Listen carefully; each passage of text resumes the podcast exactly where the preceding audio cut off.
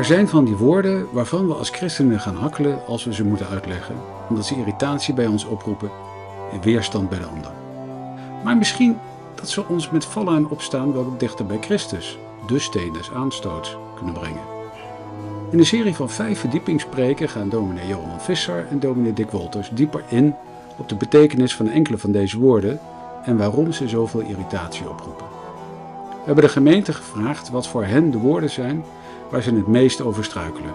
En de respondanten gaven aan dat dat dan onder meer gaat over de toorn van God, over de hel, over het lijden, het oordeel en iets dat te maken heeft met een combinatie van heiligheid, uitverkiezing en getuigenis.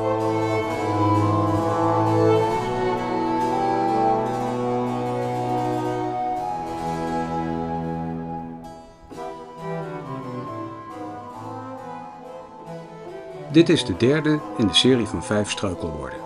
Thema is lijden. Voorganger is dominee Dick Wolters. Het is opgenomen op 18 juni 2023 in de Noorderkerk te Amsterdam.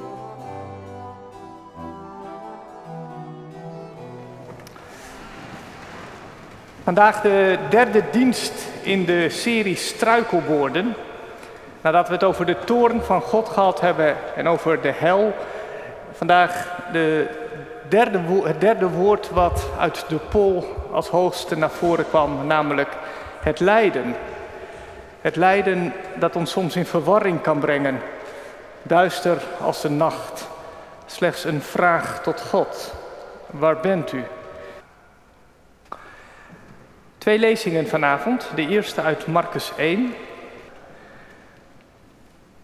Marcus 1, vers 29 tot 39.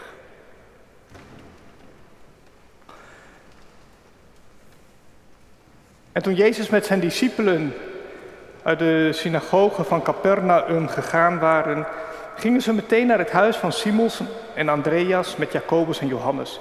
En de schoonmoeder van Simon lag met koorts op bed en ze spraken met hen, meteen met hem over haar. En hij ging naar haar toe, pakte haar hand, richtte haar op en, meteen verliet de koorts haar en ze diende hen. toen het nu avond geworden was en de zon onderging, brachten ze bij hem allen die er slecht aan toe waren en hen die door demonen bezeten waren. En heel de stad had zich verzameld bij de deur. En hij genas er velen die er door allerlei ziektes slecht aan toe waren en dreef veel demonen uit. En hij liet de, de demonen niet toe te spreken, omdat ze hem kenden. En morgens vroeg, nog diep in de nacht, stond hij op, ging naar buiten en begaf zich naar een eenzame plaats en bad daar. En Simon en die bij hem waren, gingen hem achterna. En toen ze hem gevonden hadden, zeiden ze tegen hem: Iedereen zoekt u. En hij zei tegen hen: Laten wij naar de naburige plaatsen gaan, opdat ik ook daar predik, want daarvoor ben ik uitgegaan. En hij predikte in hun synagoge door heel Galilea en dreef de demonen uit. Romeinen 8, vanaf vers 18. Ik ben ervan overtuigd dat het lijden van deze tijd in geen verhouding staat tot de luister die ons in de toekomst zal worden geopenbaard. De schepping ziet er rijkhalsend naar uit dat de luister van Gods kinderen openbaar zal worden. Want de schepping is ten prooi aan zinloosheid. Niet uit eigen wil, maar door Hem die haar daaraan heeft onderworpen. Maar er is hoop, omdat ook de schepping zelf zal worden bevrijd uit de slavernij van de vergankelijkheid en zal delen in de vrijheid en luister die Gods kinderen geschonken wordt. Wij weten dat de hele schepping nog altijd als in barensweeën zucht en lijdt. En zij niet alleen, ook wij zelf die als voorschot de geest hebben ontvangen, ook wij zuchten in onszelf in afwachting van de openbaring dat we kinderen van God zijn, de verlossing van ons sterfelijk bestaan. In deze hoop zijn we gered. Als we echter nu al zouden zien waarop we hopen, zou het geen hoop meer zijn. Wie hoopt er nog op wat hij kan zien? Maar als wij hopen op wat we nog niet zien, blijven we in afwachting daarvan volharden. En bovendien komt de geest onze zwakheid te hulp. Wij weten immers niet wat we in ons gebed tegen God moeten zeggen. Maar de geest zelf pleit voor ons met woordloos zuchten. God, die ons hart doorgrondt, weet wat de geest wil zeggen. Want de geest pleit voor de heiligen overeenkomstig Gods wil. En wij weten dat voor wie God liefhebben, voor wie volgens zijn voornemen geroepen zijn, alles bijdraagt aan het goede. Wie hij van tevoren heeft uitgekozen, heeft hij ook van tevoren bestemd om het evenbeeld te worden van zijn zoon, die de eerstgeborene moest zijn van talloze broeders en zusters. Wie hij hiertoe heeft bestemd, heeft hij ook geroepen. En wie hij heeft geroepen, heeft hij ook vrijgesproken. En wie hij heeft vrijgesproken, heeft hij ook laten delen in zijn luister. wat moeten we hier verder nog over zeggen? Als God voor ons is, wie kan dan tegen ons zijn? Zal Hij die zijn eigen zoon niet heeft gespaard, maar hem omwille van ons allen heeft prijsgegeven, ons dan met hem ook niet alles schenken? Wie zal Gods uitverkorenen aanklagen? God zelf spreekt hen vrij. Wie zal hen veroordelen? Christus Jezus die gestorven is, meer nog, die is opgewekt, zit aan de rechterhand van God en pleit voor ons. Wat zal ons scheiden van de liefde van Christus? Tegenspoed, ellende, vervolging, honger, armoede, gevaar of het zwaard? Er staat geschreven, om u worden wij dag na dag gedood en afgevoerd als schapen voor de slacht. Maar wij zegevieren in dit alles glansrijk, dankzij Hem die ons Zijn liefde heeft bewezen.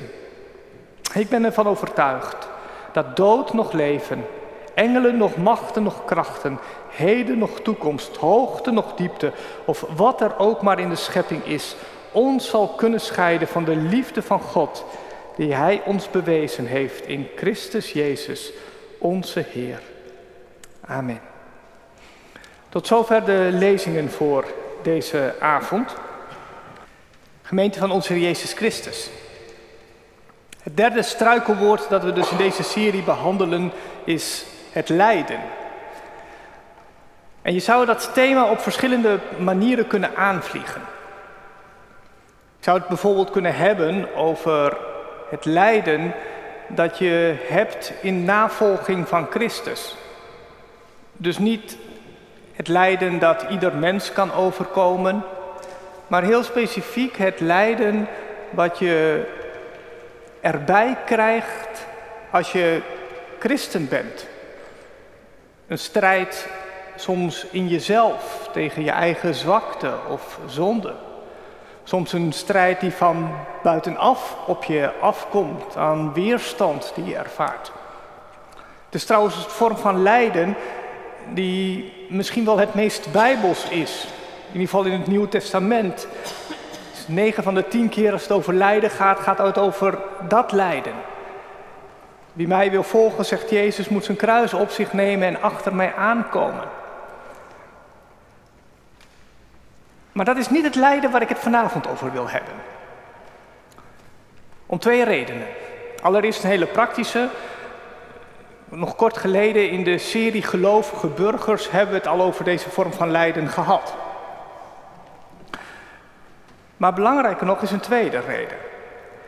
En dat is dat volgens mij het lijden in navolging van Christus niet een struikelwoord is zoals wij dat in deze serie met elkaar bespreken.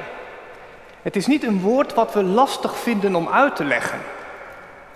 Sterker nog, we snappen heel goed dat als volgeling van Jezus je te maken krijgt met lijden. Als onze Heer Jezus Christus een kruis moest dragen, wie zijn wij dan als zijn dienaren die achter hem aangaan om te denken dat ons geen lijden zou overkomen? We kunnen zelfs heel onbevangen als wij kinderen dopen voor hen bidden dat zij blijmoedig hun kruis zullen dragen. Oftewel, dat kruis is voor ons geen struikelwoord. Het is een bron van vreugde. Daarom vermoed ik dat om een andere reden jullie lijden hebben aangegeven als een woord wat in deze dienst besproken moest worden. En dat is dan wat we klassiek de Theodicee-vraag noemen. De vraag naar God, die aan de ene kant een God is van liefde, zo zeggen wij, maar die aan de andere kant ook blijkbaar zoveel lijden, zoveel pijn, zoveel ellende in deze wereld toestaat. En hoe verhoudt dat zich tot elkaar? Toevallig appte een buurtbewoner vorige week mij nog deze vraag. Ervan uitgaande dat één, God alles ziet, kent en weet. En twee, een leven tegenwoordig de waarde heeft als van een schoenveter. Is dan geloof, hoop of liefde meer dan snakken naar adem?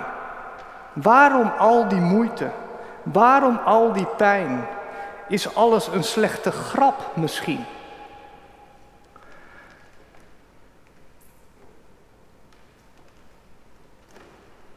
Kunnen en moeten wij God tegen deze aanklacht rechtvaardigen? Is er een antwoord op die Theodicee-vraag, de vraag naar het lijden? Nou zijn vele pogingen gedaan.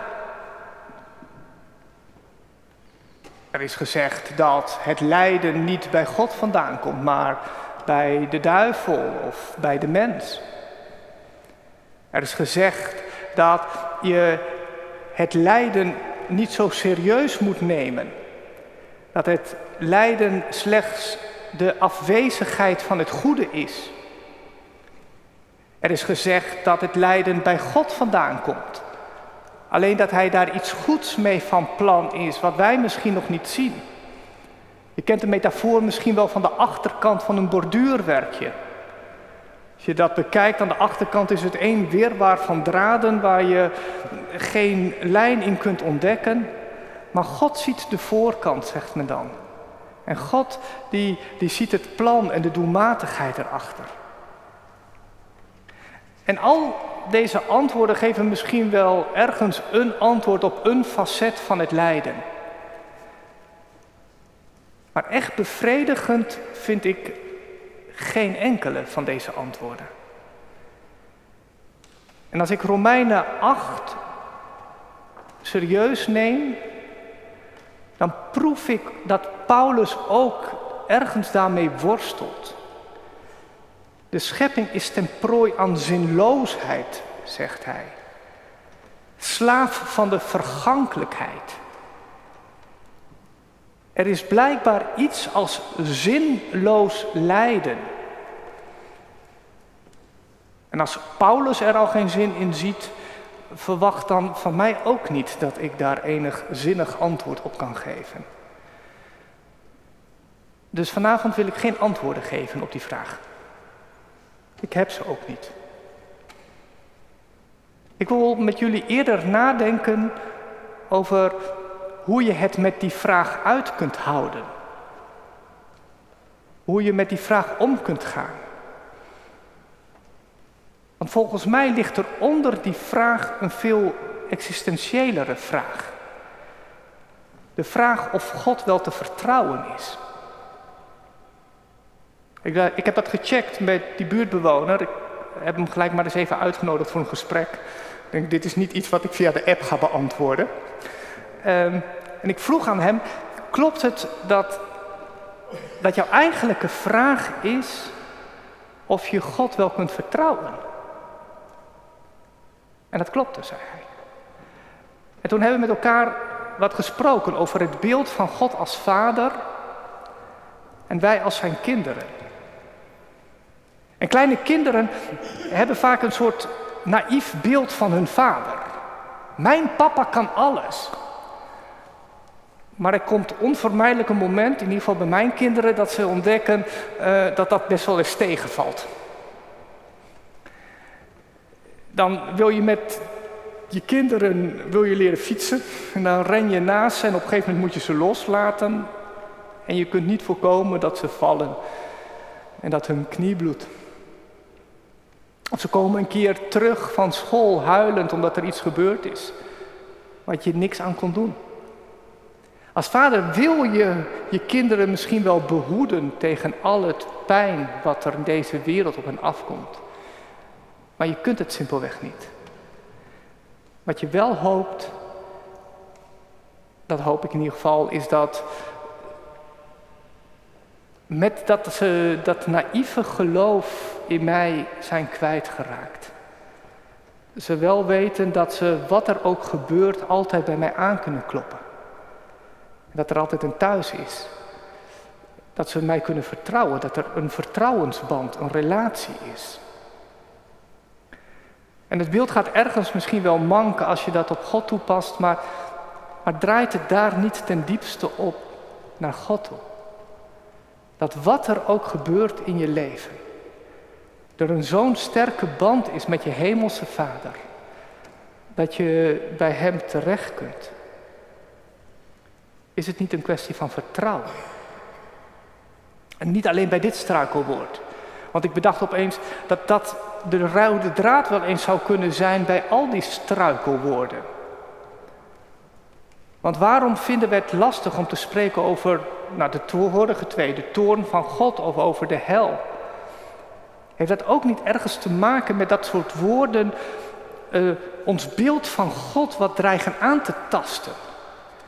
Wij willen graag spreken over de God die liefde is. Maar hoe verhoudt zich dat dan met, met die duistere kanten? En, en is deze God dan wel echt de God van liefde die hij zegt te zijn? Of, of zit er ook een duistere kant aan? Is God wel te vertrouwen? En daarom dus vanavond geen antwoord op de vraag van het lijden. Wel een manier om ermee om te gaan. Een manier om het vertrouwen in God, ondanks alles wat je overkomt, eerder te laten groeien. Om in de relatie te blijven. En de kern daarvan is volgens mij het gebed. Ik zie het Jezus doen in Marcus 1. Jezus is nog maar net begonnen met zijn bediening. En de eerste plek die hij aandoet is Capernaum. En als hij daar gepreekt heeft in de synagoge, gaat hij even bij zijn discipel Petrus naar binnen. En daar loopt het die avond storm. De hele stad brengt al het lijden wat ze in zich heeft, aan fysiek en aan geestelijk lijden, eh, brengen ze bij hem. En dan staat er, viel me op, en hij genas er velen. Niet allen staat er, velen. Alsof Marcus ons al een leeswaarschuwing geeft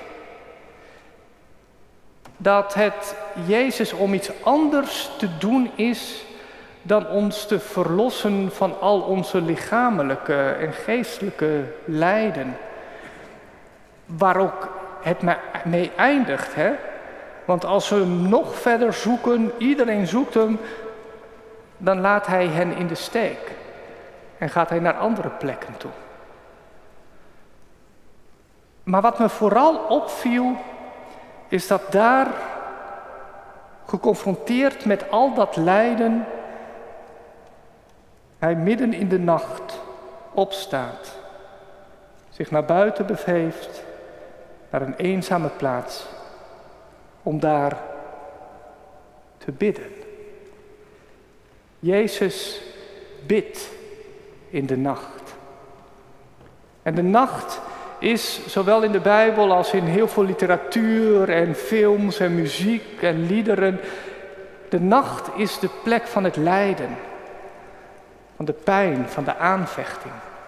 God is licht. En s'nachts kun je je soms het verst bij Hem vandaan voelen. Daarvan getuigen ook de liederen die we met elkaar zongen op Psalm 88 en 130. Maar in de nacht bid Jezus. En ik moest daarbij denken aan een boek wat ik laatst gelezen heb van Tish Warren, Bidden in de Nacht. Haar boek begint met de beschrijving van een miskraam. Heftig bloedend komt zij op de eerste hulp aan. En terwijl ze klaargemaakt wordt voor een operatie, schreeuwt ze naar haar man Jonathan: De completen. Ik wil de completen bidden. Tis en Jonathan zijn beide Anglikaanse priesters. En ze hebben zich aangeleerd om vlak voor het slapen te gaan het laatste getijdengebed uit het Book of Common Prayer te bidden. De complete. En in die nacht in het ziekenhuis hebben ze samen dat gebed gebeden. In haar boek schrijft Tish Warren over een gruwelijk jaar. Een jaar waarin ze twee miskramen heeft gehad, waarin haar vader overleed, waarin het volstrekt nacht was en ze even niks wist, ook niet wist hoe ze moest bidden. Ik laat haar zelf maar aan het woord. Ik wist niet meer hoe ik God kon benaderen. Er was te veel om te zeggen. Er waren te veel vragen zonder antwoorden. De diepte van mijn pijn overschaduwde mijn vermogen om woorden te vinden. En nog pijnlijker, ik kon niet bidden, omdat ik niet goed wist hoe ik God kon vertrouwen. Ik wankelde, verdwaald in de maalstroom van mijn eigen twijfel en verdriet.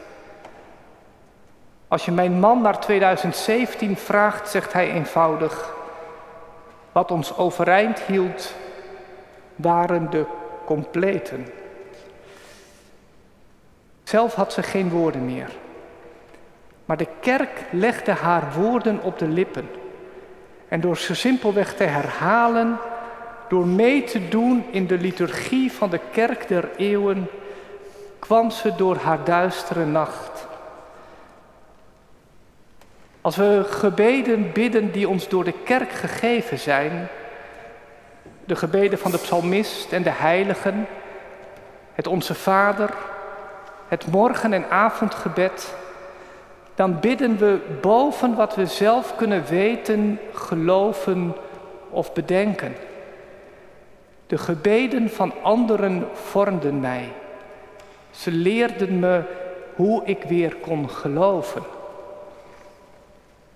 Ik vind dat zo bijzonder. Want het is eigenlijk precies wat ik Jezus zie doen. Op zijn duisterste momenten bidt hij psalmen. Hij bidt Psalm 22 en Psalm 31 aan het kruis. Mijn God, mijn God, waarom heeft u mij verlaten? In uw handen beveel ik mijn geest. Bidden is nooit een individueel gebeuren. Bidden is meedoen met de liturgie van de kerk daarboven en hier beneden. Het is, het is God aanroepen samen met anderen, want waar twee of drie Hem aanroepen, is Hij aanwezig. En Paulus gaat in Romeinen 8 zelfs nog een stap verder. Hij zegt, en zelfs als je die woorden niet meer kunt bidden, als je zelfs niet meer de woorden die je op de lippen worden gelegd door de kerk niet meer kunt bidden, als je gebed alleen nog maar een zuchten is,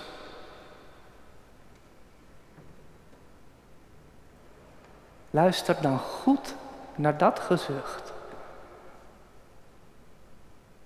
Want het is de geest die zucht, die in je pleit met een woordloos zuchten. God zelf neemt het gebed van je over en laat zo zien dat Hij te vertrouwen is. Dat niets je kan scheiden van de liefde van Christus. Tijdens de completen maakte Tish Warren gebruik van een oud gebed van Augustinus. Het begint met de woorden: Waak, lieve Heer, bij wie werken, waken of wenen vannacht. Dat raakte me, want volgens mij zijn dat drie woorden: wenen, waken en werken, die precies aangeven wat we doen wanneer we te midden van de nacht van het lijden bidden. Allereerst wenen wij. Bidden is namelijk kruipen bij Vader op schoot. Het is even in Zijn nabijheid verkeren, simpelweg uithuilen met alles wat je op je hart hebt. Je hoeft niet stoer te doen. En zo hoor ik ook de woorden van Romeinen 8 niet. Ze, ze, ze, klinken misschien best stoer. Ik ben ervan overtuigd dat het lijden van deze tijd in geen verhouding staat. Of niets kan je scheiden van de liefde van Christus. Volgens mij zijn ze nooit stoer bedoeld. Zo van, huil niet, want er komt toch iets veel beters en Jezus is bij je. Nee, Paulus kent het volle besef van de zinloosheid en de vergankelijkheid. En die laat hij ook staan. En zuchten mag, huilen mag, lijden mag. Jezus zelf gaat ons erin voor, toch? Misschien weet je wel wat het kortste Bijbelvers is uit de Bijbel. En Jezus weende. Hij staat bij het graf van Lazarus. Hij kijkt de zinloosheid van de dood in de ogen. En hij weet van de opstanding. Maar toch raakt dit hem. En hij huilt.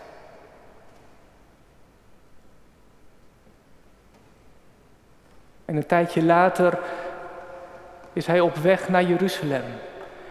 En hij voorziet de verwoesting van de stad. En opnieuw huilt hij. Bidden is allereerst gewoon weghuilen. Met al je emoties mag je bij God komen. Die simpelweg je als een vader in de armen neemt. En zo laat zien dat Hij te vertrouwen is. Het tweede wat we doen als we bidden is waken. Dus het beeld van Psalm 130.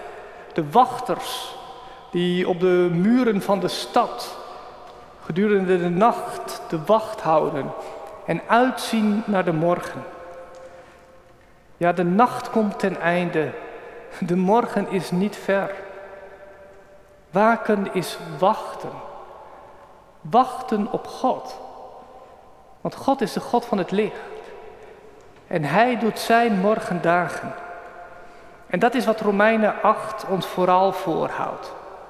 We leven in hoop. En Paulus gebruikt dan het beeld van de bevalling. De schepping is als in barensnood. Het lijden zijn als barensweeën. Een, nieuwe, een nieuw leven dient zich aan. De kinderen van God komen aan het licht. Een nieuwe dag. Gods dag. Ja, het is wel Gods dag. Dus er is niets waaraan wij dat kunnen bespoedigen. Wij kunnen slechts wachten. Geduldig wachten.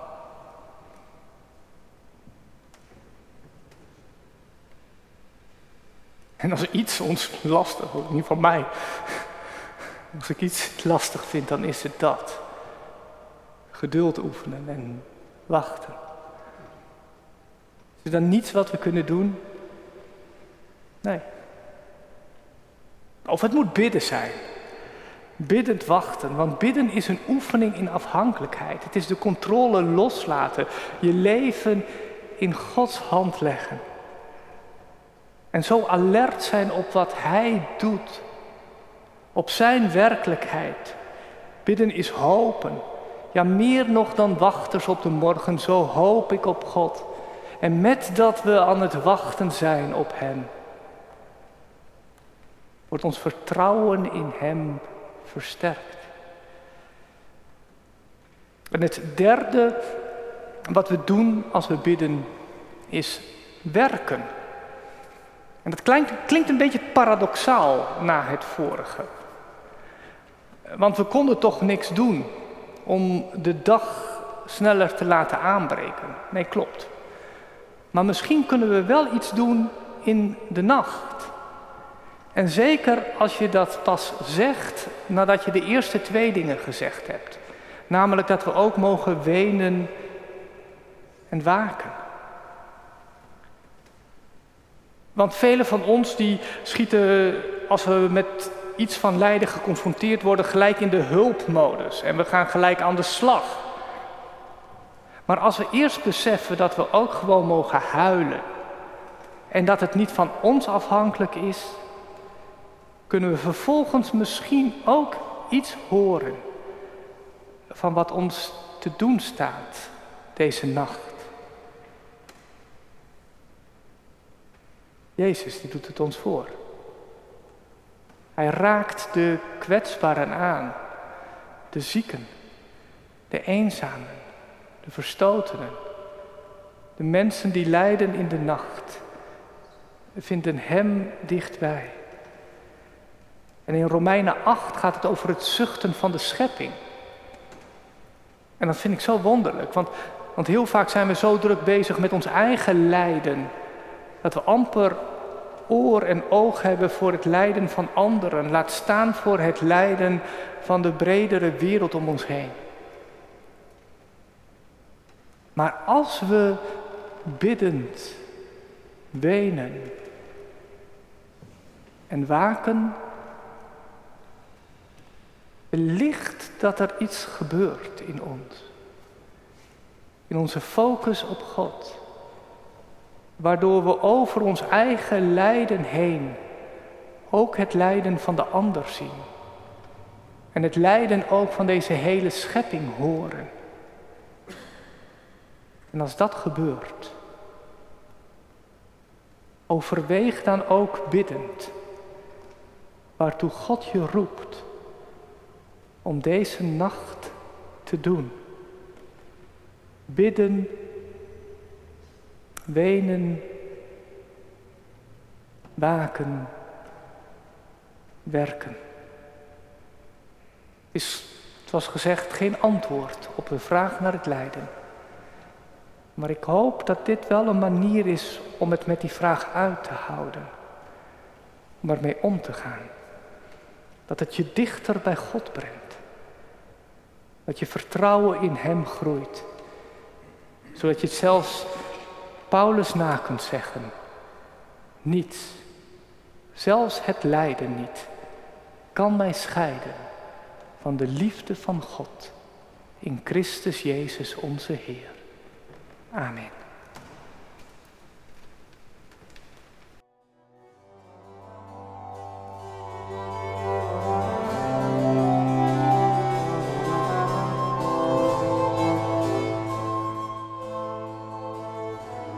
Mocht u meer willen weten over deze struikelwoorden, luister dan naar de komende overdenkingen die worden gepost tot de zomer van 2023. Wilt u niets missen, abonneer u dan op deze podcast. De muziek van deze podcast is van Cornelis Schuit, het Padovane e Gagliardo del Secondo Modo, gespeeld door het artistiek collectief, opgenomen tijdens het speciale 400 jaar Noorderkerkconcert op 15 april 2023. Mijn naam is Michiel Dumont. En mocht u meer willen beluisteren, kijk dan op onze stream op Spotify, iTunes of Soundcloud en op de website. Daar kunt u nog 100 andere preken en overdenkingen terugluisteren.